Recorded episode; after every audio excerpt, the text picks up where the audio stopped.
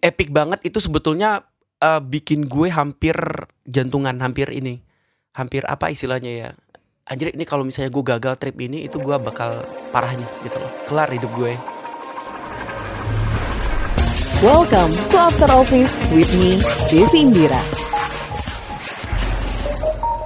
Baik, selamat datang kembali di podcast After Office. Dua episode terakhir ini gue memang rekamannya After Office sih. memang benar-benar After Office sesuai dengan nama podcastnya. Dan untuk episode kali ini, episode keempat, gue berencana masih ngebahas mengenai aduh mengenai dengan traveling lah gitu. Tapi kali ini eh sorry ini bukan episode keempat bu episode kelima. agak siwer nih gue. Episode kelima hubungannya masih dengan traveling. Jadi kalau dua episode sebelumnya gue ngomongin soal Korea Utara dan India, sekarang gue mau ngomongin traveling tapi soal profesinya. Nah, biasanya kalau lo traveling tapi nggak ngurus sendiri artinya lo pakai tour and travel gitu kan biasanya suka ada tour leadernya tuh nah gue bawa langsung nih tour leadernya ke podcast gue gue tuh penasaran banget gitu jadi sebenarnya temen gue ini gue juga baru kenal sih beberapa bulan yang lalu gue ketemu di salah satu event gitu pas ngobrol-ngobrol gue tanya profesi lo apa terus dia bilang tour leader hah tour leader menurut gue ini cukup menarik dan gue pengen mengolah lebih dalam mengenai profesi ini. Langsung aja. Hai Mas Acil. Halo Mbak Desi, apa kabar? Alhamdulillah baik. Baik ya. Gimana kabarnya? Ah, baik, hujan emang. Oh hujan ya? Hujan. Uh, Jakarta hujan ya? Iya. Uh, kebetulan nih. saya di Switzerland.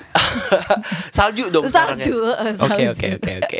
Tadi dari mana sebelum ke sini? Sebelum ke sini tuh ada ketemu dengan orang. Mm -mm. Terus setelah itu lanjut ke sini. Oke. Okay. Uh, ini lo lagi free hari ini Hari atau... ini ada ada ketemuan dengan orang, mm -hmm. tapi jam segini sih sudah. Oh, udah free ya. Sudah free. Lo ada ada waktu lah ya buat gue satu jam ya. Siap. Siap ya. Siap. kurang lebih karena kita kurang lebih ngobrol-ngobrol satu jam nih, insya okay, Allah okay. ya. Mas Acil ceritain dong. Tadi kan gue udah udah prolog sedikit nih mm -hmm. mengenai lo bener kan tour leader ya? Tour, tour leader, leader uh, slash tribadi. Tribadi, yeah. oke. Okay karena beberapa uh, ada satu travel. -huh. menyebutnya pribadi, mhm. -huh. ada juga yang menyebutnya uh, tour leader, uh -huh. uh, terus teman jalan mungkin teman jalan? Uh, escort? Oh enggak ya oh, enggak. eh kok teman jalan berarti maksudnya tapi di luar kan? Bukan di dalam negeri? Atau uh, atau harian teman jalan agak harian? jarang emang yang yang nyebutnya teman jalan. tapi kalau misalnya kita bareng-bareng nih sama uh -uh. teman-teman dekat uh -uh. ya udah artinya kita teman jalan teman gitu. jalan oh. tapi kalau untuk yang profesional uh -uh. kita menyebutnya tour leader atau trip buddy. atau trip buddy. Teman jalan di sewa di Jakarta untuk nemenin jalan gitu enggak ya? Untuk ini acara nikahan juga boleh. oh, oh boleh. okay, baik terus uh, gue tahu nih kayaknya lo trip buddy di salah satu travel yang kemarin temen gue ikutan ya? Ah uh, iya betul. Si Aling. Ah, ya, Karena dia sempat ngomong. Ah, uh, Aling. Oh, Mas Aing. Oh, gue ngomong waktu itu sama dia di DM. Oke. Okay. Waktu abis lo DM gue, uh -huh. yang lo bilang, lah lo kenal lama Aling Ternyata gitu kan. sempit ya. Sempit ya. Uh -uh. Terus gue screenshot, gue kirim tuh ke dia. Eh, lo kenal lama Acil ya kata gue. Eh iya dia trip badinya What Travel ya. Betul. Kita sebut saja lah tidak apa-apa. Oke. Okay. Gitu di trip badinya What Travel ya. Mm -hmm. Oke. Okay. Udah berapa lama sih lo ngejalanin profesi ini? Kalau jalan itu sudah hampir satu tahun. Satu tahun. Uh, udah hampir satu tahun. Jadi trip pertama itu bulan Maret deh kayaknya. Tahun lalu. Tahun lalu ya. Sebelum gua nanya soal trip pertama lo. Iya. Background pendidikan lo apa sih anak pariwisata? Gak ada sama oh, sekali. Ada. Jadi serius lo serius nggak ada. ada sama sekali. Okay, terus? Jadi uh, sebetulnya juga yang tour leader yang lain juga tidak ada yang backgroundnya uh, pariwisata. Karena orang mikirnya, tapi ada beberapa yang emang uh, backgroundnya pariwisata mm -hmm. segala macam ada. Mm -hmm. Tapi mostly kalau yang gue kenal itu jarang banget yang dari pariwisata. Gue juga nggak tahu kenapa. Oh gitu. Iya. Berarti sebenarnya background itu bisa bebas aja ya untuk bisa jadi bebas leader aja ya? sebetulnya. Jadi asalkan apa? Asalkan mungkin lo sering jalan, uh -uh. sering jalan, sering traveling segala macem. -huh. Mungkin persyarat, persyaratan awalnya sih seperti itu ya. At least lo ketika pergi ke suatu tempat, uh -uh. Birokrasinya seperti apa, -uh. misalnya di imigrasinya seperti apa, lu sudah paham lah. -huh. Kurang lebih seperti itu. Maret tahun lalu berarti lo pertama kali jalan. Iya betul. untuk jadi tour leader ataupun trip buddy ini. Betul. Sebelumnya lo ngerjain apa? Sebelumnya gue punya usaha kecil-kecilan lah istilahnya. Di Jakarta. Ini mau curhat atau gimana nih? Curhat aja nggak apa-apa.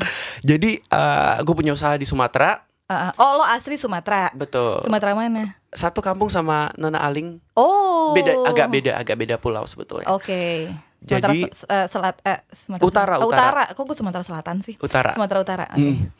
Jadi punya usaha terus udah gitu udah jalan sekitar 10 tahun sebetulnya itu meneruskan usahanya orang tua. Mhm. Terus setelah itu kayaknya gue butuh semacam apa ya penyegaran istilahnya. Oke. Penyegaran Mhm. eh, if, oh, dul- jadi dulu tuh ketika misalnya eh, di Sumatera Mhm. gue selalu sempetin satu tahun sekali at least gue keluar keluar itu artinya kayak refresh aja gitu loh mau Hmm. ke mana mau ke suatu tempat liburan Mhm, segala macam dan akhirnya gue curhat nih sama temen gue kayaknya gue Mhm. butuh apa ya butuh udara segar Mhm. artinya refreshment lah ya. refreshment Heeh. istilahnya setelah itu temen gue ngasih tahu nih ada yang oh, ada yang buka eh, apa namanya eh vacancy untuk menjadi tour leader Mhm. gue apply Mhm. tapi nggak keterima Mhm.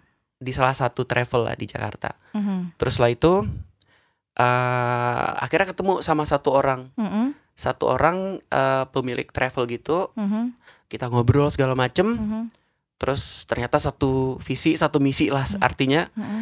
Ya udah akhirnya mulai dari situ kerjasama sampai sekarang. Terus karena gue freelance artinya juga punya eh, chance untuk Di yang masuk lain. di yang lain seperti itu. oh, oke. Berarti sebenarnya lo tuh bisa tidak terikat pada satu tour and travel ya. Betul, betul. Lo bisa freelance Mhm. dan artinya kalau freelance lo bebas dong mau berapa eh, Iya. tour and travel Betul. selama waktunya Selama waktunya eh, pas aja gitu ya. ya, karena event itu misalnya berdekatan gue juga mesti lihat dulu nih karena Hmm. butuh waktu istirahat misalnya Mhm.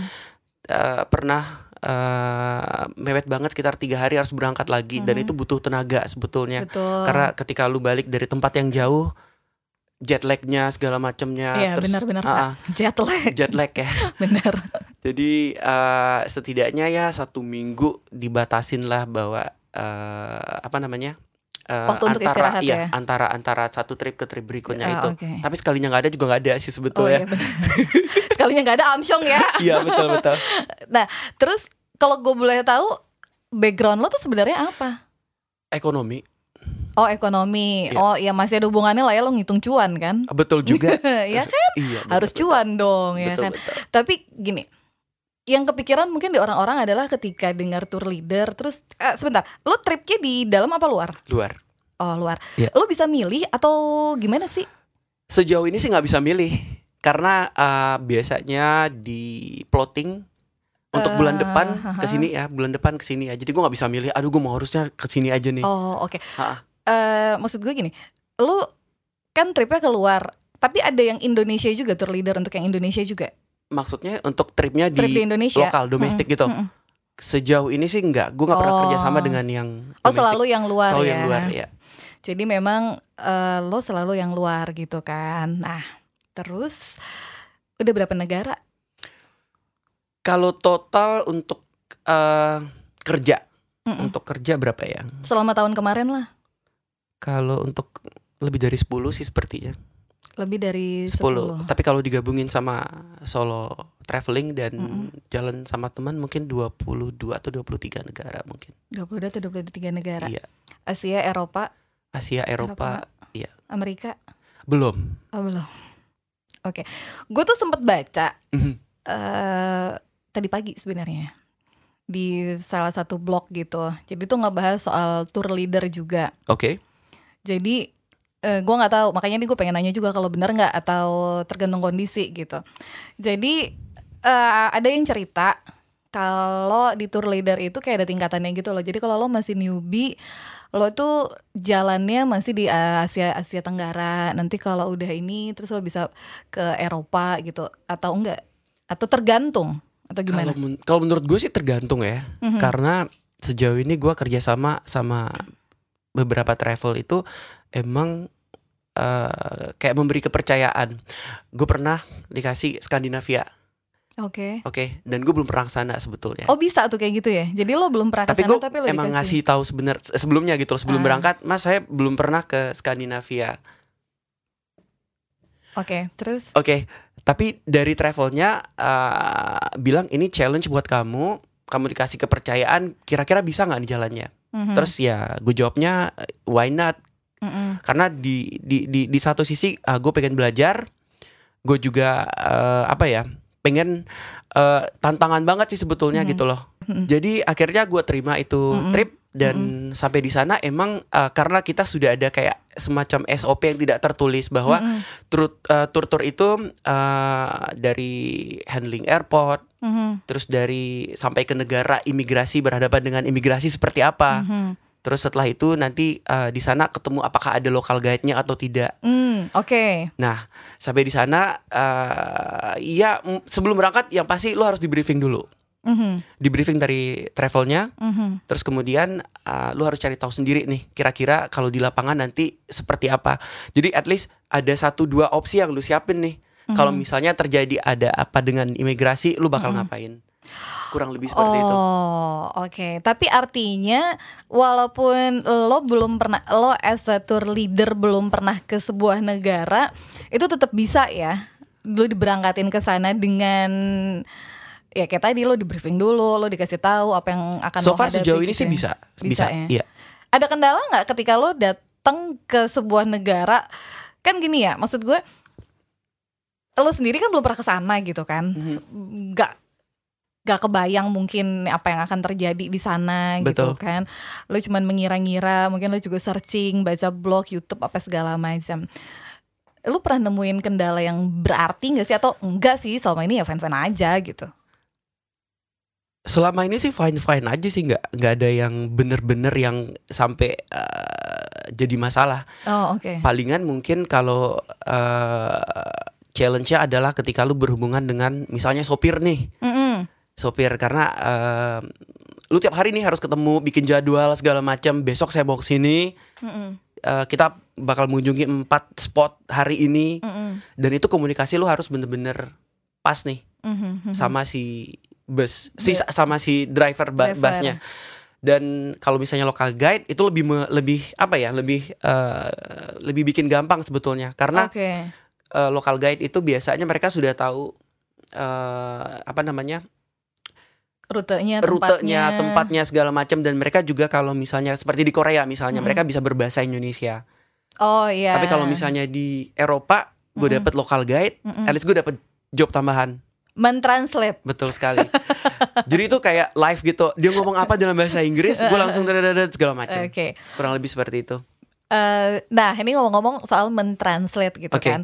Kadang hmm, kayak misalkan ini lebih ke pronunciation ya, pronunciationnya kayak misalkan orang Jepang gitu kan ketika oke dia menjadi guide eh da- dengan bahasa Inggris gitu. Tapi kadang kan ada pronunciationnya yang kita tuh, hah apa sih dia ngomong apa sih gitu.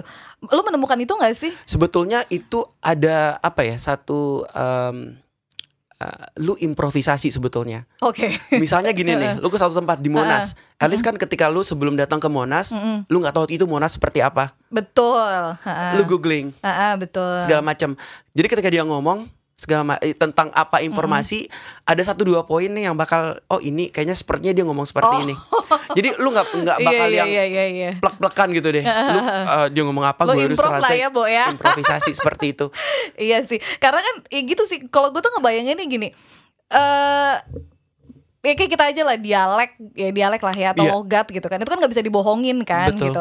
Orang Amerika sama orang Inggris aja ngomong bahasa Inggrisnya aja udah beda gitu kan. Apalagi orang-orang Asia kayak kita, orang Korea gitu kan, yang nggak semuanya bisa berbahasa Inggris juga kadang kan pronunciasi ini gue suka yang ah apa sih maksudnya Iya. dia apa sih gue ada satu kejadian dulu eh, ini gue cerita dulu ya waktu gue di. Jepang gue di Jepang Eh saya keluar dulu atau Oh, iya, gimana? boleh. Oh, oke. Terima kasih loh Bapak kalau mau keluar Bapak. Ini, ini ngomongin soal bahasa Inggris. Jadi gue Oke. tuh nanya, dia bisa bahasa Inggris si orang Jepang ini. Jadi gue tuh nanya, gue lagi mau ke museum Doraemon. Oke. Eh, terus gue nanya lah sama eh apa namanya? apa sih namanya tour guide di situ bukan tour guide sih penjaganya di museum itulah gue Oke. nanya karena gue nggak beli si tiket museum itu melalui online. Gue datang ke situ tuh tidak bawa tiket. Jadi dia bilang harus beli tiket dulu. Gue nanya beli tiketnya di mana? Dia menyebutkan Lawsong. Gue bingung, Lawsong tuh apa gitu Oke. kan. Ternyata Lawson, Bo. Ah, oke. Karena orang Jepang kan suka pakai NG di belakang kan. Itu gue mencernanya agak bingung gitu kan. ah, dia bilang "E, beli di Lawsong. Hah, Lawsong? Iya, iya, iya, Lawsong, Lawsong gitu kan. Dia menunjuk ke arah itu. Lawsong apa gitu kan. Gue noleh, "Oh, Lawson. Oke, fine." Lawson gue pikir apa ya Lawson. Nah, mungkin kan pasti ada lah yang kayak kayak gitu kan bahasa-bahasa Inggris yang pronunciation-nya kita suka bingung. Sebetulnya sekarang kalau bisa dibilang teknologi udah canggih banget. Iya, sekarang ada aplikasi, Bo. ada aplikasi. Jadi em, ketika local guide nggak ada Mm-mm. dan lu berhadapan dengan orang yang eh, sama sekali nggak bisa bahasa Inggris, itu Google Translate tuh Membantu, sih. Iya, membantu banget, sih. Membantu banget, sumpah. Jadi eh, kadang-kadang eh, kalau misalnya dapat tamu nih yang pinter, dia bisa ngerjain sendiri.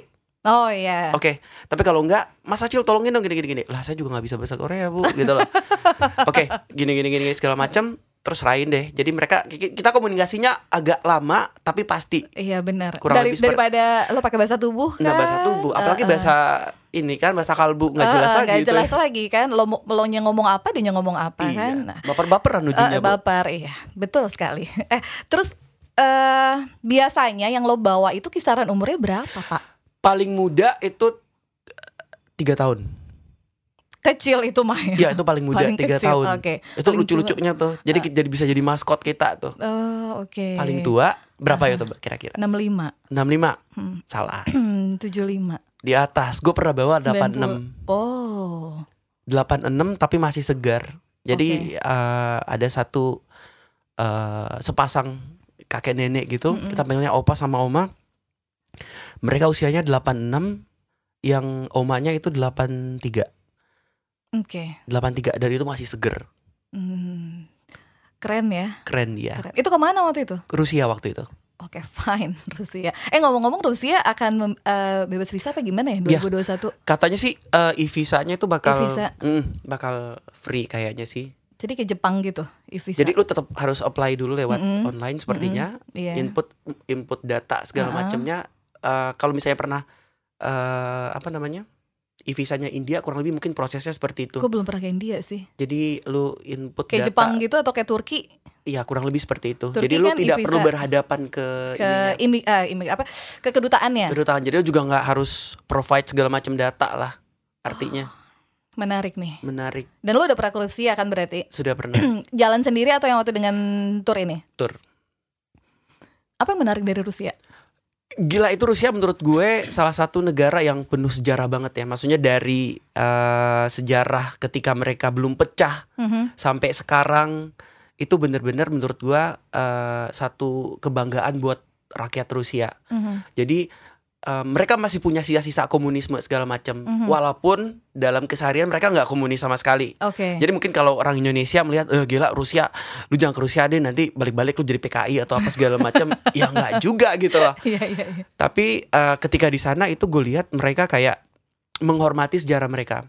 Even itu sejarah buruk tentang mereka, tapi itu bagian dari Masa lalu. masa lalu yang harus diingat bahwa itu baik atau buruknya tergantung dari lo mensikapinya seperti apa. Oke. Waktu di Rusia lo ada tour guide lokalnya? Ada dan enaknya itu mahasiswa Indonesia sebetulnya. Oh, Iya. oke. Jadi tour guide lokalnya adalah mahasiswa Indonesia yang lo nggak perlu susah mentranslate dong. Gu- Iya, jadi mereka yang berbahasa eh, Rusia. Rusianya apa pun eh, jadi kayak misalnya sudah sampai ke sana mereka menerangkan tempat ini ini ini segala macam gue lebih kayak kalau ada perintilan-perintilan kecil bakal gue bantu. Oh, oke. Ah, ah. Paling ngomong spasiba seperti itu. Apa itu artinya? Terima kasih itu doang. Oh, apa namanya? Apa gimana? Spasiba. Spasiba. Lo udah berapa negara tadi ada sekitar 20 Kalau sama Yang eh, sendiri? Solo dan segala macam 20-an lebih. Kalau yang sama tour aja so far lo kan dari Maret tahun lalu kan? Iya. Ini kan udah mau setahun dong berarti Maret besok lo setahun. Itu kalau di total 11 mungkin. 11 negara. Mm-mm. Eh Korea aja lu baru dari kemarin dan besok mau ke Korea lagi ya? Iya. Ada bedanya nggak yang Korea kemarin sama Korea sekarang untuk eh, tempat tujuan lokasi dan segala macam? Nah ini dia nih challenge banget sebetulnya untuk yang berikutnya ini gue Hmm. bawa nggak banyak satu keluarga doang. Oh private tour lebih gitu. ke arah private terus eh apa namanya gue bawanya sendiri Mhm. terus udah gitu eh kalau di Korea itu kan kalau lu tour artinya lu harus ke tempat-tempat kayak mandatory visit gitu loh Yes. Jadi lu- Berapa hari itu? eh sampai tanggal 18 Tujuh. 11 ke 18 ya 7 Tujuh, hari ha-ha. sekitar 7 hari dan em, enaknya mereka maunya saya ke sini ke sini ke sini jadi gue baru lihat nih tadi Mhm. pagi Mhm. oh ternyata ke tempat ini gue juga belum pernah ke tempat ini Apa tuh? kayak misalnya K-pop apa gitu loh Oh. Jadi dia oke. customize istilahnya dia custom. Dia mungkin oh, mungkin karena gini kali ya. Korea itu kan udah mainstream banget ya yang semua orang kayaknya juga di blog-blog tuh berseliweran kan tips Iya. and trick ke Korea mana-mana aja yang dikunjungin kayaknya dia custom dari situ mungkin sebetulnya ada beberapa destinasi yang emang yang emang udah udah udah ada gitu loh Hmm, kayak ya, misalnya Namsan tuh pasti pasti atau misalnya ke eh, Nami Nami Aha, Nami wajib deh kayaknya. Iya. Terus udah gitu semua orang ke banyak ketemu orang Indonesia tuh di Nami. ski resort segala macam Mhm. itu tetap ada. Mhm. tapi pas hari-hari belakangan gue lihat loh ini kan belum pernah gitu loh. Maksudnya gue gue ke sana juga belum pernah. Terus pas gue googling oh tempatnya yang ini ternyata. Ah, jadi mereka lebih ke arah eh, si gue nggak tahu nih mungkin eh, eh, eh, yang yang salah satu eh, a- a- apa kayak tamunya nyokap lah istilahnya dia mungkin eh, suka drama Korea Oh. atau itu segala macam jadi dia oke kita ke entertainment apalah gitu SM SM, salah SM satunya Entertainment di Bener. Gangnam Iya, Iya. di Gangnam. Eh, tapi itu bagus banget gue sih belum pernah masuk ya Terus ada satu di K-pop apa gitu yang kayak semacam blog. Gue gue juga baru baru lihat karena gue belum pernah ke sana. Mm-mm. Yang kayak ada patung BTS atau apalah segala macam. Oh, bet, eh, bet apa sih BTS? Iya, iya, iya, iya. Gue nggak Hmm. tahu tuh di Berbentuk boneka kecil-kecil itu gue juga baru oh di sini tuh ternyata. di Itaewon bukan sih? Sepertinya iya. Jadi kemarin yang tahun lalu kan gue sama teman-teman gue Anaknya- atau gimana? sendiri, gue backpack, eh, semi backpack. Maksudnya gue ngurus sendiri, Oke oke. gue ngurus sendiri. Eh, temen gue anaknya suka banget Korea. Mhm. Gue suka Korea, tapi maksudnya Suka opa-opa lah gitu ya. opa suka suka ajusi, gue lebih ke ajusi. Oh oke. Iya, agak lebih tua, mature bo. Sugar Gitu. daddy ya. Aw. Oke. Iya, bisa ke Korea terus gue kalau ada sugar daddy. kan. Oke. Hmm. Mungkin habis ini. Oke lanjut tadi. Jadi eh, dia ngajak cari ininya BTS Oke. itu di Itaewon di Ah. Line. Jadi Line itu kan Line, ya. eh, Line itu kan punya apa sih kerjasama dengan BTS gitu deh kalau nggak salah. Jadi dia mengeluarkan merchandise merchandise eh, BTS gitu. Jadi di Itaewon tuh waktu itu. Ya. Mungkin Sebetulnya aku juga nggak paham banget sama K-pop, K-drama segala mungkin habis macem. ini bapak saya Habis kasih ini, link kali. Sepertinya ke- kemarin kalian bahas landing crash on you, gue udah ngecek di Netflix. Uh-uh. oh ternyata ada. Oke besok gue iya. tonton. Karena semua akan jadi jamaah Al Korea pada waktunya. Semoga nggak edik bu ya. Gue takutnya sih. jadi militan, gue takut tuh jadi militan Nah, itu sih dia gitu loh. Begitu ngelihat dramanya atau K-popnya Karena tiba-tiba kalau jadi sampai di militan. sana gue ada beberapa tamu yang eh, apa namanya, yang eh, kayak kayak misalnya di jalan ada ada kayak billboard siapa lah gitu loh kayak opa-opa gitu kan langsung teriak sini sini segala macam Oh iya iya iya iya bener ya cakep ya apa segala macam gue cuman gitu doang.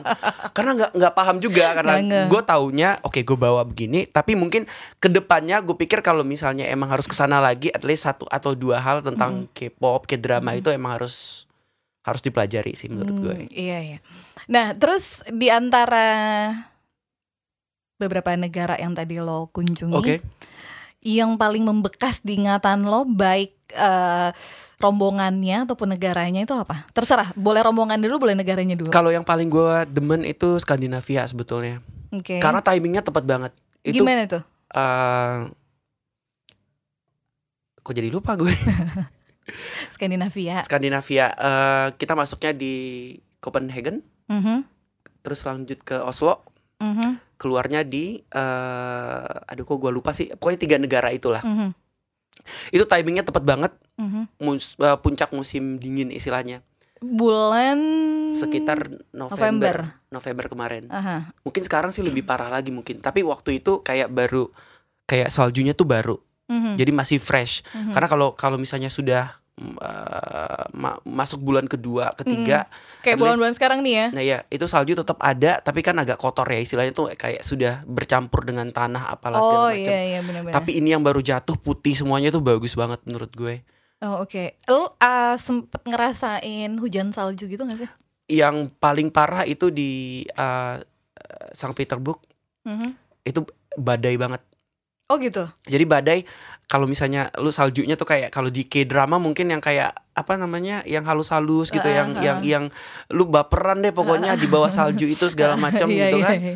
Drama, tapi itu drama kan. Iya, itu drama. Eh aslinya yang waktu di Saint Petersburg tuh lu gimana? Itu bener-bener anginnya kencang terus saljunya tuh kayak gede-gede gitu loh. Dan lo gak sempet baper dong ya? Enggak, itu mah sempet ya? lari masuk ke dalam. Itu dinginnya juga parah banget. Berapa? Minus? Minusnya minus 10 mungkin deh. Minus 10 tapi mungkin real feel-nya lebih dari itu, mungkin sekitar minus 15. Wah gila. Gue minus 6 aja di Korea gue demam. Iya ini serem sebetulnya. Heeh. ini masih musim dingin kan? Masih, tapi anehnya untuk sebetulnya untuk Korea bulan ini tuh sudah penuh dengan salju. Tapi kemarin gue tanya dan gue lihat gak ada sama sekali. Oke. Kalau rombongan yang paling berkesan? Rombongan paling berkesan itu semuanya berkesan sebetulnya karena punya dramanya masing-masing. Nah ini menarik nih.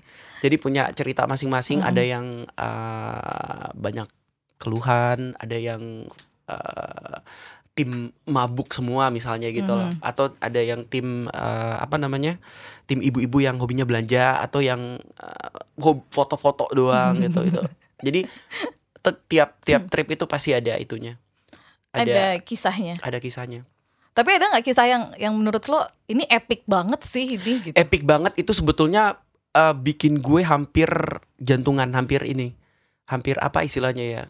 Anjir ini kalau misalnya gue gagal trip ini itu gue bakal parah nih gitu loh. Kelar. Kelar hidup gue. Apa tuh? Jadi gue harus bawa uh, 37 peserta Mm-mm, dan 37 peserta itu da- di Sankt Petersburg itu juga. mm-mm, Jadi Sapsan Sapsan kereta Sapsan itu mm-mm, kita harus berangkat dari Sankt Petersburg menuju Moskow. mhm, Nah, kalau tidak salah itu sekitar pukul 10 pagi. mhm. 10 pagi harus berangkat dan Sapsan itu keretanya tepat banget gitu On time. On time banget. Kagak ada tuh ngaret tuh. Jadi gue memprediksi eh, bahwa kita harus dari apa namanya? Dari eh, hotel jam 8. Mhm. Jam 8 artinya kita punya spare waktu sekitar satu jam lah gitu loh. Mhm. Untuk eh, menuju apa namanya? Ke kereta itu. ke kereta itu gerbongnya segala Mm-mm. macam. Oke. Sampai di sana itu hari pertama turun salju. Mhm. Artinya ketika eh, salju turun itu semuanya belum ini nih, belum siap artinya. Mhm. Salju pertama itu bikin eh, apa ya? Bikin rusuh lah di mana-mana istilahnya. Karena jalanan harus dibersihin dulu Oh nih. iya betul betul. Dibersihin dulu, Mm-mm. terus udah gitu banyak terjadi kecelakaan, Ah, licin kan. licin ya. segala macam karena orang-orang belum ganti ban ke ban yang khusus untuk salju. Ah. Artinya ya kalau mereka men- rem mendadak ya udah beruntun deh itu tabrakan Mm-mm, segala mm-mm. macam. Tergelincir dan Akhirnya segala gue macet dong. Oke. Oke, gue macet, gue nyampe di em, Sapsan itu sekitar 30 menit sebelum keberangkatan. Setengah sepuluh berarti. Anggap setengah 10, gue lupa deh waktu tepatnya berapa. Itu belum ngurusin 37 orang Dengan segala turunin dari koper-kopernya. dari apa dari Dari dari, bus. bus, koper-kopernya, orangnya diatur segala macamnya Dan kita sama sopirnya diturunin itu bukan tepat di depan eh, pintu pintu stasiunnya. Heeh. Jadi kita mesti jalan sekitar 600 meteran lah untuk masuk Mhm. pintu itunya. Mhm. pintu stasiunnya. Dan gue bawa tamu yang itu yang 86 usianya 86 Oh, dan 83 itu. Aha. Gue langsung bilang ke tamu, Bapak Ibu kita berangkatnya 30 menit lagi nih. Kira-kira bisa nggak lari-lari? Mm-mm. Karena semuanya semangat, oke kita coba gitu kan, Iya, kita iya, coba. iya. Nah gue kalau misalnya masih muda-muda, oke lah pasti bisa nih gitu. Mm. Yang 86, uh, yang kakek opa dan 86, oma ini segala macam itu yang yang aduh gue langsung meyakinkan diri gitu lah. Opa oma bisa nggak nih kira-kira jalannya ke stasiun? Bukan jalan ya agak lari dikit. Mm. oh boleh mas boleh mas. Dan amazingnya mereka bener-bener bisa jalan tanpa ada yang ngeluh sama sekali. Jadi lu bayangin gerbong itu paling depan dapetnya jadi ketika lu masuk ke stasiun itu bukan gerbong lu dulu yang lu dapet. Tapi lu harus sekitar 10 gerbong atau 11 12 gerbong lagi itu paling depan banget Oke. jadi gua udah anggap 10 15 baru nyampe nurunin barang segala macam kita butuh 15 menit lagi untuk harus masuk ke gerbong Mhm. oh itu lari-larian karena harus screening lagi masukin ke dalam Iya, uh, iya. security clearance itu segala macem Dan itu kan butuh waktu ya, Bu. dan itu butuh waktu Eh, butuh waktu banget. gue telat dan gue nggak tahu ngapain karena kalau gue telat artinya gue harus ribuk kembali itu. Iya, Sapsan dan harganya kalau lu uh, istilahnya pada hari itu berangkat itu harganya nauzubillah bu. Tapi nggak kejadian kan? Gak Lu- kejadian. Jadi gue sampai bener-bener ma- maksa maksain semuanya. Ayo cepet cepet cepet segala macam gue dibantu juga sama local guide. Kita uh, segala macam dan kita tuh jadi gue gue terakhir yang masuk jadi gue gue make sure dulu semuanya masuk ke Iya. dalam dapat tempat duduk segala macam dan gue baru terakhir masuk gue masuk pintu tutup berangkat Oh, gila itu lo adrenalin lo terpacu Gila, banget ya. itu itu gue gua sampai ini eh, sujud syukur lo bisa sujud syukur di di, di kereta di kereta sujud syukur sujud ya. syukur gitu Nah kan berarti as a tour leader di Mhm. kondisi-kondisi yang kayak gitu kan memaksa lo untuk punya apa ya plan B gitu kan, Iya plan cadangan. Untungnya tuh nggak terjadi lo ketinggalan kereta gitu kan. Tapi seandainya ini kita ngomongin seandainya doang ya. Waktu itu lo ketinggalan tuh jadinya gue udah kalkulasiin di atas Nah. bus anjir ini kalau misalnya ternyata gue harus eh, ketinggalan ini kereta Mm-mm. karena ini tanggung jawab gue kan maksudnya artinya gue yang eh, set waktu segala macam Mm-mm. bahwa eh, harus eh, berangkatnya kalau bisa diundur nih jam 7 misalnya Mhm, karena kita tidak menyangka hari itu salju mhm, mhm. gue sudah lihat eh gue percaya ramalan cuaca yang Iya, di ada sana, eh, di, di handphone. di handphone gitu Dan loh. di sana biasanya akurat sih. akurat banget jadi gue lihat oh ini uh, chance untuk snownya itu 10% atau 20% ya maksudnya kalaupun ada itu salju nggak yang bakal heboh gitu loh Mhm, mhm. Gak yang heavy gitu ya. nah itu dia ternyata pas bangun pagi itu putih semua gitu loh putih semua lah kemarin tuh nggak ada salju sama sekali cuman dingin doang sama angin lu bangun pagi lu ngeliat udah putih semua dan jalanan ya harus di ini Dibersihkan. dibersihkan dulu supaya semua kendaraan boleh bisa lewat. bisa lewat Terus apa? Ya lo udah mengkalkulasi kan? Sudah. Ya? Ah, terus gimana? ya tuh? ratusan juta bu Aduh, kasih juta dua juta ya, Enggak. ratusan juta, masya Allah. dan belum lagi kalau misalnya gua nggak bisa dapet sapsan yang sorenya. Karena gua kan 38 artinya spot untuk eh, seatnya segala macam kan juga nggak bakal ini. Iya iya benar benar benar. belum lagi harus diinepin dulu ke hotel. Jadi gua udah udah deh udah pasrah banget. Gua tuh yang di di atas bus udah berdoa banget lah pokoknya. Itu paling deg-degan sih Itu lo udah istighfar. udah aja, istighfar ya Allah, ya semoga Allah, ke- semoga keburu ya tantangannya Allah. seperti itu. Tapi ketika ketika lu sudah sampai di sana sudah itu jadi sapsannya udah udah kayak jalan udah ini semua aman segala macam itu leganya Lega luar banget. biasa. Beneran. Gue kebayang sih langsung Ah ya Allah gitu ya. Lega banget. Terus mm, rombongan paling banyak yang Tadi kan 37 tiga orang. ya itu per- yang Itu terbanyak. yang terbanyak. Mm. Yang paling sedikit? Paling sedikit berapa ya Eh, paling sedikit pernah 14 mungkin 14 orang Oh itu Hmm. paling sedikit ya paling sedikit ya Oke Dan apakah di setiap negara selalu ada tour guide lokali? enggak Terus kalau enggak ya itu tadi ya Lo, lo eh, coba searching sendiri lo Iya, jadi uh, uh, tapi gue menariknya seperti itu. Ketika tidak ada local guide, itu tantangannya lebih lebih ini Double. sih lebih double menurut gue karena mau nggak mau gue juga harus belajar tentang negara itu lebih lebih lebih dalam gitu loh. Mhm. Um, kayak misalnya ke mana ya? Ke Skandinavia kemarin tidak ada local guide. Mhm. West Europe juga nggak ada local guide. Mhm. Artinya uh, lu emang persiapannya harus matang segala macem dan itu lagi bu improvisasi sebetulnya Improv. improvisasi karena nggak semua hal yang sedetil-detilnya tentang sejarah lu tahu dan dan nggak mungkin juga lo hafal dalam Dan waktu juga beberapa apalagi uh, beberapa kata atau bahasa itu gue nggak bisa mungkin dalam bahasa Inggris bakal bisa nih. Tapi kalau dalam bahasa, bahasa lokalnya bahasa mereka? lokalnya dialeknya mereka itu uh, agak berbeda. Jadi kita kayak gue inget tapi ketika diucapin sama orang oh itu ya maksudnya gitu loh. Nah Hmm. seperti itu. Terus kan namanya lo adalah tour leader kan lo yang bertanggung jawab pada rombongan kan Mm-mm. artinya lo adalah orang yang pertama eh, bangun Yep. dan lo orang yang pertama eh lo orang yang terakhir untuk tidur betul ya kan nah ketika lagi travel gitu jam tidur lo berapa lama tuh? sebetulnya sama aja sih sebetulnya karena ketika lu udah lu sudah sampai di hotel lu sudah selesai kerja segala macem capek sih sebetulnya. Hmm. Cuman gue punya momen sendiri nih ketika hari itu sudah selesai bekerja Mm-mm. dan semuanya tidak ada kendala. Mhm. Gue bakal duduk di lobi hotel kah atau nyari kayak eh, minimart di sana lah segala macem cari makanan ringan, cari minuman atau apalah segala macem dan gue tuh kayak refleksi hari ini. Oke, hari ini tuh berjalan lancar, tidak ada masalah. Kalaupun ada keluhan, gue biasanya sampein ke pemilik travel hari ini masalahnya ini ini ini Mhm. Eh, handlingnya begini gini gini segala macam. Jadi gue biasanya tuh bikin daily report biasanya, Oh oke. Mm. daily report eh, dan supaya nggak numpuk karena gue males pada akhir pada akhir trip gue biasanya bikin laporan nih Mhm. karena gue pengen ada feedback dari gue buat travel Buat juga travelnya Mm-mm. oke. supaya misalnya ini hotel kurang bagus nih untuk next trip jangan ya gitu loh Mm-mm, jangan ambilnya lagi kalau bisa ambilnya di tempat yang lain Di tempat yang itu. lain. Oh oke oke. Terus nih. Eh biasanya kan sebagai tour leader itu kayak tadi kan lo belum pernah ke satu tempat. Mhm. Terus lo harus eh, belajar dulu.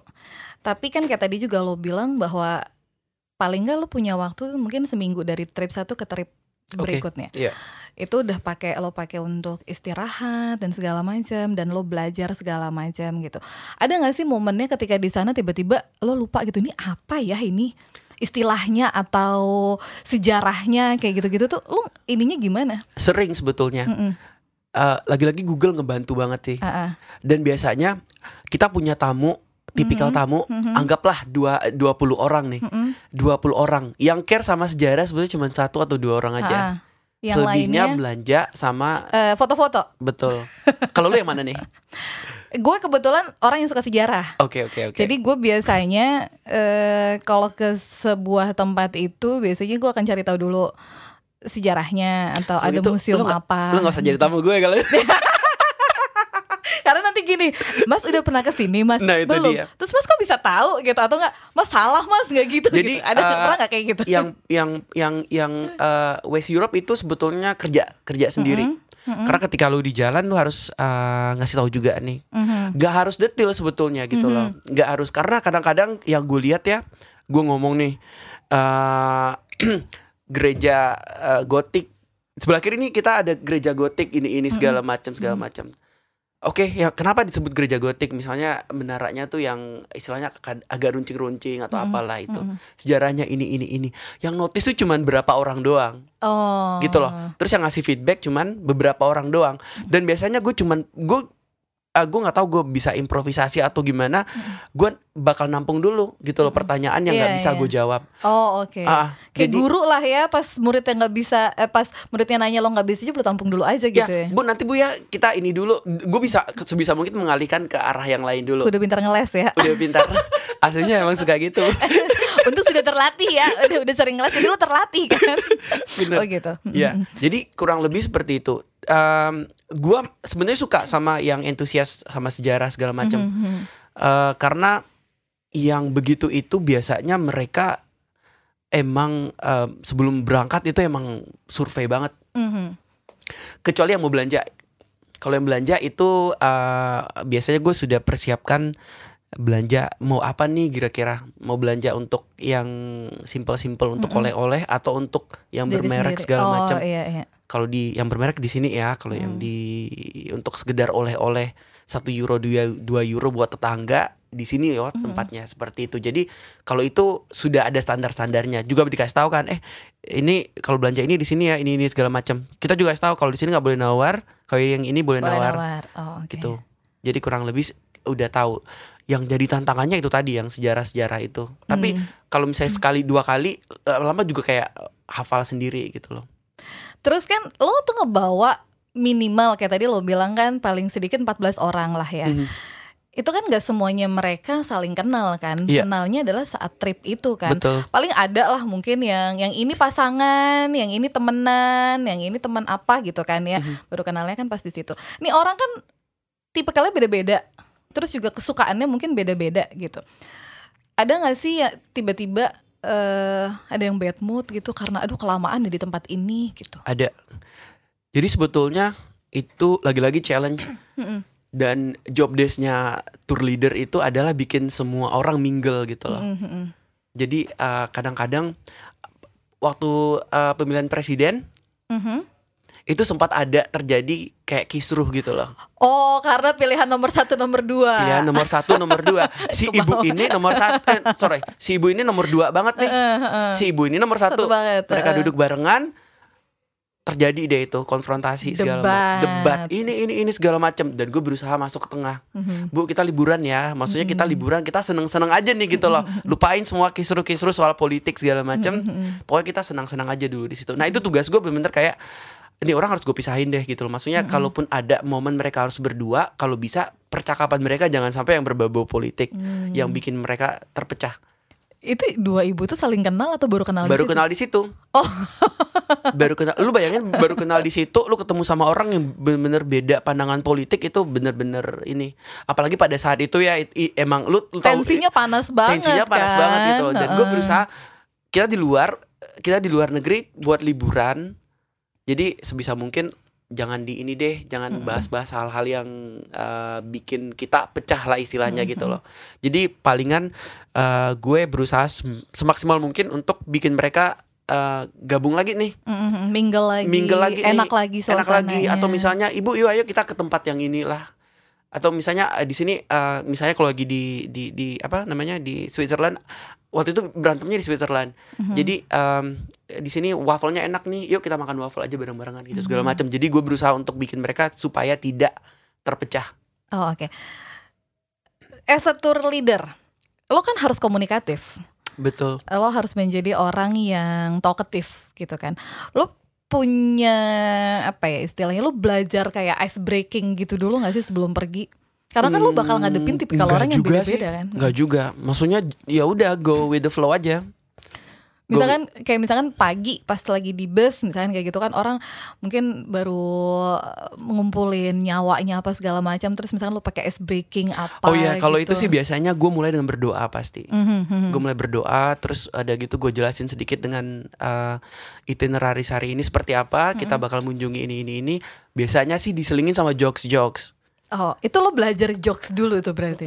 Apa gimana? kadang-kadang jokesnya udah template dari satu trip ke trip berikutnya gue ulang lagi gitu loh Yang kira-kira ini ini jokes ini eh dapat nih orang orang bisa ketawa nih gitu nah ya. it works sebetulnya tapi cuman uh, kadang-kadang dia bilang ih gila cil lu garing banget gitu dengan Iya, ya gue iya. maklumin sih garing sebetulnya cuman ada beberapa ini kayak um, beberapa tamu menemukan jokes itu lucu gitu misalnya nih nih gini nih Apa sih jokesnya kalau boleh tahu? Nih kalau di Korea nih kayak gini. Anggap nih gue adalah tamu lo. Oke. Em, eh, gue biasanya manggilnya Mbak kalau misalnya muda karena gue biasanya profiling dulu nih tamunya. Iya, usianya berapa berapa Usianya berapa. berapa? Kalau di atas 45 atau 50 gue panggilnya ibu. Kalau misalnya eh, 35, 30 segala macam gue panggil Mbak. Oke, Mbak. Yuk kita makan dulu nih. Makan udah ngumpul gitu kan dan makanannya belum nyam, belum nyam, belum inilah ready. Gue berusaha supaya mereka tuh kayak eh, eh, nggak bengong istilahnya. Mhm. selain berfoto bersama apa segala macam gue biasanya gini ayo saya ajarin nih satu apa satu eh, bahasa Korea makanan-makanan dalam bahasa Korea gitu kan. Dalam bahasa Korea eh, sebut eh, ini kayak basic banget loh. Mhm. basic banget. Jadi gue nyari satu tulisan bahasa Korea daftar menu. Nah ayo yuk sama-sama yuk gitu loh. Dan mereka tuh mau gitu loh. Ini re. Ada semua ayo dong re ini ende ende ang. Bacanya rendang semua tuh marah. Serius. Marah. Oh, oke oke jadi oke. kayak kayak gitu. Jadi nggak harus yang serius-serius banget sih menurut gue iya, gitu iya, loh. iya, iya. Berarti eh nggak lucu bener. Tapi nggak lucu tapi kadang-kadang tapi untuk sebagian orang mungkin kesel tapi wah gue kena nih dikerjain sama nah, Acil dia. nih gitu ya.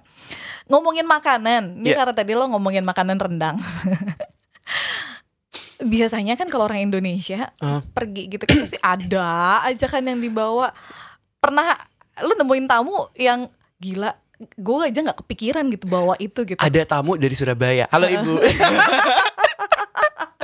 namanya ibu ibu S kita Ibu sebutnya S. ibu S Ibu Surabaya jadi hari pertama kalau Hmm. misalnya mereka jalan eh, mereka masih antusias nih sama Hmm. makanan lokal ah betul. Eh, Itali apa? Pizza segala macam. Atau waffle atau apalah. Mm-mm. hari ketiga masih nyari apalah gitu makanan. Kalau di Paris yang apa sih itu yang bekicot apalah gitu. Ah, ah, ah. Oke, akhirnya makan-makan. Hari kelima nih. Mm-mm. mas kita nyari nasi di mana ya? Terus? Nah itu biasanya mereka kalau malam mereka nggak mau keluar. Jadi Mm-mm. mereka makan siangnya adalah makanan eh, khas setempat mhm. tapi malamnya itu eh, Mas Acil eh, ke kamar kami ya gitu loh. Eh, Oke, ada apa bu? Pokoknya kita makan bareng. Pas gue masuk itu semua ada. Lu ngebayangin nggak rawon ada, Oh, oh my god. dendeng ada, Oke. rendang ada, sampai eh, apa namanya? Kalau sambel-sambelan kayak burudi apa segala macam ada. Oke. Rice cooker nasi ada semuanya. Serius lo? Serius. Terus Ada sekitar enam enam makanan gitu deh. Belum lagi kayak lo makanan ringan. berasa kayak pulang ke rumah dong ya masuk ke kamarnya dia itu ya. dia gitu loh jadi dia bilang kalau misalnya eh, mau ke jalan ke mana-mana emang template-nya begini Oh. jadi mereka bawa bawa bawa rice cooker. bawa rice cooker bawa nasi Iya. segala macem bawa eh, makanan-makanan kayak daging-daging itu gue ribet ya padahal maksudnya ada beberapa negara yang kadang-kadang tidak memperbolehkan gitu kan Iya iya betul betul. dan gue nggak sampai yang detil lah jangan bawa ini jangan bawa itu ya Heeh. tapi lolos aja gitu loh Oh oke oke. gitu kayak buah kan biasanya enggak bisa gitu kan iya, iya. atau di beberapa negara itu kayak ya kayak buah segala macam itu nggak boleh sama sekali. Tapi ada nggak yang eh, ribet di urusan pas checking gitu? Se- sejauh ini sih checking, enggak airport enggak ya? handling lancar Airport handling lancar ya. ah, palingan Lu- heeh. kalau misalnya mereka beli eh, kayak kosmetik yang lebih dari 100 mili atau Oh, apa terus iya. ditaruhnya di kabin di kabin itu pasti nggak boleh kan? nggak boleh Karena gue pernah bawa sarden yang langsung makan. oke eh itu padahal ad- ada di koper sebenarnya di Oke. koper dan gue gulung-gulung-gulung sama baju gitu. Itu masih di Indonesia kok gue di diperiksa dikira gue bawa apaan kali ya gitu. Jadi eh gue disuruh bongkar secara lagi itu kan gak yang pas buka koper langsung ada si sarden sarden itu gue harus ngebongkar baju dulu. lu Gua beli lu tuh. bawanya lebih dari lebih dari satu berarti Hmm, lima. mau dagang bu Saya takut tidak cocok dengan makanan lokal. oke Walaupun padahal makanan lokal masuk-masuk aja di gue Itu gitu, enak-enak aja. Sebetulnya gitu. makanan lokal itu enak kalau menurut gue ya di beberapa tempat. Kadang-kadang mereka tuh nggak kayak bumbu itu aja sih. Oh iya benar Mm. benar benar. Jadi kayak ga, ka- ga- garam, Rempahnya juga rempahnya itu kurang. Jadi salah satu solusinya bukan tidak menghormati masakan di sana yang tidak yang sebetulnya kalau orang lokal bilang itu enak banget, tapi karena kita sudah terbiasa dengan bumbu yang Kuat, banyak, yang bumbu kuat, yang kuat, akhirnya nggak masuk tuh. Iya. Berasa hambar. Jadi ya Betul. apa namanya? nambahin sambel segala macam itu ada. Dan yang paling sering template dibawa sama orang Indonesia itu adalah saus sambal, Iya. bon cabe, Iya betul, gue juga bawa soalnya. abon, Ah, ah. iya kan? Selalu ada kan. Tapi di antara tamu-tamu lo, by the way ini kita udah mau satu jam ya nggak Ah, kerasa ya, Bu? serius ya? Serius udah 1958. Oke. Di antara tamu-tamu lo ada nggak yang ribet dengan masa eh, makanan? Eh ah, enggak juga sih, biasanya fine fine. Tapi itu dia nasi sih sebetulnya. Nasi ya? Nasi. Jadi kalau di beberapa tempat emang ada kayak nasi instan gitu. Oh, Mm-mm. iya. Jadi palingan gue saranin ke supermarket Mhm. beli yang namanya kayak nasi, terus masukin ke microwave Iya, di iya. tempat itu itu solusi banget itu. Kalau kangen nasi ya, Iya. karena kalau kayak di Eropa gitu kan mereka kan tidak makan nasi Itu kan. dia. Dan apa ya, enak gitu loh ngeliat kentang mulu ini roti gitu kan. Pasti kangen nasi. Berarti mm, menurut lo profesi ini menjanjikan? Sebetulnya eh, banget sih, Oh, banget oke. ya. Masuk ketika lo emang suka traveling, artinya ini emang profesi lo gitu loh. Mhm. Kalau enggak ya bakal ribet sendiri gitu loh. Karena ada beberapa nih kayak temen gue nih misalnya dia suka traveling tapi dia tidak bisa memanage. Artinya tidak bisa memanage orang lain Mm, gitu loh. mhm. Karena dia maunya Gak sendiri gitu. Kan ada ada ada yang bilang lu kalau pengen tahu seseorang pengen tahu orang gimana traveling dia, bareng. lu traveling bareng sama dia deh gitu. Benar. Memang ketahuan tuh eh, ininya aslinya seperti apa. Mhm. Dan em, jadi kalau lu suka traveling dan lu suka manage orang supaya semuanya berjalan lancar Mhm. ya lu pasti suka dengan Dunia ini gitu dunia ya. ini gitu loh. Oke. Eh bisa hidup ya dari sini. Alhamdulillah bisa. Lo ngejelasin ke lo udah berkeluarga atau belum? Belum. Udah punya pacar belum? Karena gue mau nanya nanti Hmm. eh kalau lo kan belum berkeluarga, Terus suatu saat ketika lo mau menikah, lo datang ke mertua, ditanyain, lo kerjanya apa gitu. Lo kan ngejelasinnya gimana? Kan maksud gue Eh, bapak kita ngopi deh gitu loh. Dua jam deh kayaknya jelasinnya gitu. jelasin ya. Iya kan karena maksudnya bukan profesi yang gampang untuk diceritakan ke orang. Tapi sebetulnya ya nggak sih? banyak yang ber- berprofesi sebagai tour leader ini. Iya banyak sih, cuman maksudnya gue gue nggak tahu sih maksudnya gini. Di antara Tapi emang sih ketika ada yang bertanya, masuk kerjanya apa mas?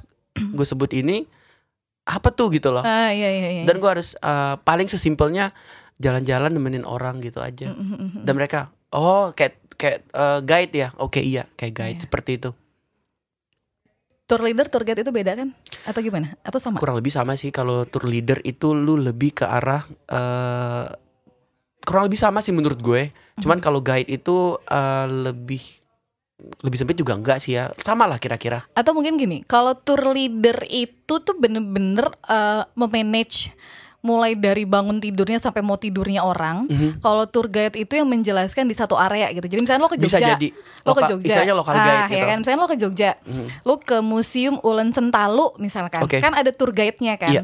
yang ada di situ gitu Iya. kan. Nah sementara kalau tour leadernya kan, kalau gue nangkep nih dari cerita Whole lo, package-nya. whole package-nya mulai dari sebelum keberangkatan sampai di sana sampai pulang lo tuh bener-bener mastiin nih orang berangkat tujuh ya pulang tujuh gitu Iya. ya kan Eh, mulai dari keselamatannya mereka kalau mereka sakit lo nyiapin mungkin Iya. lo bawa P3K juga segala macam pasti kan lo bawa ada Pasti, gue biasanya bawa eh, yang basic-basic kayak eh, obat apa namanya anti diare segala macem. Mhm. Sampai gue pernah bawa pembalut juga. Dan itu benar-benar Iya, iya, iya, iya. berguna. Karena Berguna, heeh. ketika lo misalnya di ma- malam nih, malam terus tiba-tiba eh, u- udara di luar dingin banget dan tidak ada toko obat di dekat hotel. dan lo nggak bisa pesen Gojek untuk beliin Nah, ke itu dia. Indomaret terdekat kan Nah itu dia gitu. akhirnya mau nggak mau eh, dan mereka biasanya sudah tahu mas ada nggak ya? "Oh, ada kok ada. Jadi gue kasih dan itu berguna banget sih menurut gue. Iya. Mungkin itu kali ya bedanya tour guide dan tour leader Gue kali lebih ya. eh, ke arah ya whole package lah istilahnya. Mhm, mhm, Artinya semua nih eh gue kerjain. Mhm. Tapi mungkin ada beberapa kayak misalnya eh yang kayak penambahan kayak misalnya berfoto segala macam, gue bakal kerjain. Tapi cuman untuk hasilnya ya tergantung objek ya mestinya. Tapi kadang-kadang mas, aduh aku kelihatan gendut apalah segala macam. Cewek tuh biasanya. Cewek biasanya. Angle-nya dari bawah nih mas atau dari atas segala macam. Nah itu karena gue basicnya emang nggak terlalu jago buat foto-foto, artinya emang ada ada kelemahannya di situ. Tapi gue tetap membantu. Artinya ya itu plus eh, penilaian plus lah. Iya, Dan iya. hasilnya sih kalau misalnya ternyata pada akhir trip itu ada yang namanya uh, survei. Mhm. Jadi gue bisa tahu nih hasil kerja gue pada trip yang ini apakah memuaskan atau enggak. Jadi bakal ada grade-nya 1 sampai 5 lah gitu kira-kira atau tergantung ininya, travelnya. Jadi baik sekali, kurang apalah segala macam. Jadi gue bilang trip ini ada keluhan enggak? Enggak ada. Oke, yai berarti this is like the best trip lah. Oke. Pertanyaan menuju terakhir Oke. dan agak sedikit eh, apa ya istilahnya Sensitif. mungkin. Gue balik dulu boleh? Jangan dong Pak. Ini pasti semua orang juga pengen tahu. Oke. Gue nggak akan nanya detail berapanya Aha. penghasilan sebagai tour leader. Mhm. Tapi sebulan kira-kira lo kebeli apa sih gitu? Misalkan gila gue jadi tour leader tuh sebulan gue bisa nggak rumah kali yang- gitu. Eh, enggak, gue nggak sampai segitunya. Tapi cuman em, ya beberapa tagihan kebayar istilahnya Mhm, bisa sedikit saving. mhm. Terus apalagi ya? Em, ya bisa sih. eh, maksudnya gini loh. eh, ketika gue bekerja yang kemarin itu, Mhm, gue bandingin sama sekarang, at least ada sedikit kemajuan, mhm, ada sedikit eh, perubahan. mhm. eh artinya gini loh, gue kan nggak yang full time full time banget nih satu bulan harus Mm-mm. kadang dua, kadang satu atau apa segala macam. Artinya gue juga punya banyak waktu dengan cuman berapa hari itu, Mm-mm. at least gue punya misalnya nih satu bulan gue cuma dua trip misalnya. Mhm, Artinya gue hanya bekerjanya sekitar maksimal 20 hari. Mhm. Maksimal 20 hari, 10 hari itu gue bakal bebas segala macam. Mm-hmm. Nah, yang 10 be- bebas itu ketika gue tidak bekerja, gue masih bisa Ngelakuin hal lain. ngelakuin hal lain. Oke. Seperti itu. Terus kalau misalkan ada orang di luar sana Mhm. yang eh setelah ngedengar ini terus kepikiran, gue kan suka jalan-jalan ya. Apa gue jadi tour leader aja ya? Itu gimana caranya? Sebetulnya eh, ada satu organisasi sebetulnya. Mhm. Gua eh, belum masuk ke sana, cuman mm, berusaha untuk masuk ke sana sebetulnya Mhm. itu ITLA. Jadi kayak Indonesian Association Tour Leader Association lah gitu loh. Mhm. Nah, itu mereka punya semacam standar-standar untuk menjadi eh, tour leader itu apa. Mhm. Jadi job desk-nya seperti apa, penghasilan yang harus standarnya itu seperti apa. Oh, diatur dalam asosiasi diatur itu. oleh asosiasi itu. Jadi ketika lo misalnya ada masalah pun ada payung mungkin bakal dibantu. dibantu Ada payung hukumnya ada payung juga. hukumnya ya karena Hmm. kan profesi seperti lo gini kan yang apalagi kayak lo freelance kan Iya. Eh, sangat rentan dengan ya masalah-masalah mungkin ya yang mungkin baik disengaja atau enggak mungkin bisa jadi ya jangan sampai berkaitan dengan hukum misalnya itu kan berarti ada asosiasinya yang Iya, bisa membantu kan betul. sebagai tour leader itu harus ada sertifikasi gitu nggak sih Nah, itu dia lewat itlah itu. oh oke Iya, jadi Tap- kita disertifikasi, kita Mhm. dikasih semacam pendidikan dasar. Mhm. Gue gak tahu ada ada beberapa step Mhm. uh, itunya dan di ujung lo juga bakal dikasih sertifikasi itu. oh Artinya kalau lu sudah certified berarti lu eh ya berarti emang pekerjaan lo adalah adalah sebagai profesional tour leader. Uh, lo udah sertif Gua certified? belum, belum akan menuju itu. akan menuju itu. Oh oke. Sip sip kalau gitu. Thank you banget ya Mas Acil ya. Terima kasih Mbak Hmm, Desi. Iya boleh dong di info eh, Instagram lo apa? Oh iya. Eh, at instacil Mhm. I N S T A Cil C C I L ya. C I L ya, nggak pakai E L ya. C I L ya. Insta Acil. C I L. E L. Oh apa? Insta C I E L. Ya, Instacil. Oke. Instacil. Thank you banget ya Mas Terima- Acil. Ya, terima kasih eh, sudah Eh, eh, mengundang saya eh, di Kita cepet loh tektokannya ya dari yang waktu Serius itu gua satu jam nih. Satu jam. Anjir. Nggak kerasa kan? Tadi lo bingung kan? Gue kagak di brief dulu. Nih bakalan ngomong apa? Gue bilang kan udah flow aja. Nggak kerasa kan satu jam Nggak kan? kerasa. Padahal banyak banget yang belum diceritain Part sebetulnya. 2 oke nanti Oke, ya. part dua, dua. oke. Thank you banget Mas Acil udah mampir di podcast After Office Udah ngobrol-ngobrol juga sama gue mengenai profesi tour leader ini Yang mungkin juga jadi insight baru ke teman-teman ya Bahwa ternyata ada profesi eh, tour leader dan juga cukup menjanjikan untuk profesi ini Jadi mm, mungkin kalau ada yang ingin berganti profesi menjadi profesi tour leader Yang pertama enaknya adalah jalan-jalan dibayarin Bener ya, jalan-jalannya Bener dibayarin. Terus lo bisa ke beberapa negara eh, dalam satu tahun kayak Mas Acil aja tahun lalu ada 16 negara kali ya yang didatengin ya. Eh, yes, Kalau untuk kerjanya sih sekitar 12 lah. Eh, 12 ya, 12 negara. Udah pasti lo bakal ketemu dengan banyak budaya, banyak eh, local people gitu yang pasti akan menambah pengalaman. Gitu aja untuk episode kali ini. Kita ketemu di episode berikutnya. Mungkin gua akan ngajak orang-orang dengan profesi-profesi yang gak banyak orang tahu mungkin Eh, bisa jadi nanti gue ngajak teman-teman dari voice over mungkin untuk ngobrol. Kebetulan Mas Acil ini juga tertarik dengan dunia voice Eh, akhir kata gue Desindira cabut. Kita ketemu di episode berikutnya. Bye. Thank you ya. Thank you for listening After Office. Desi Indira signing off the. See you next episode.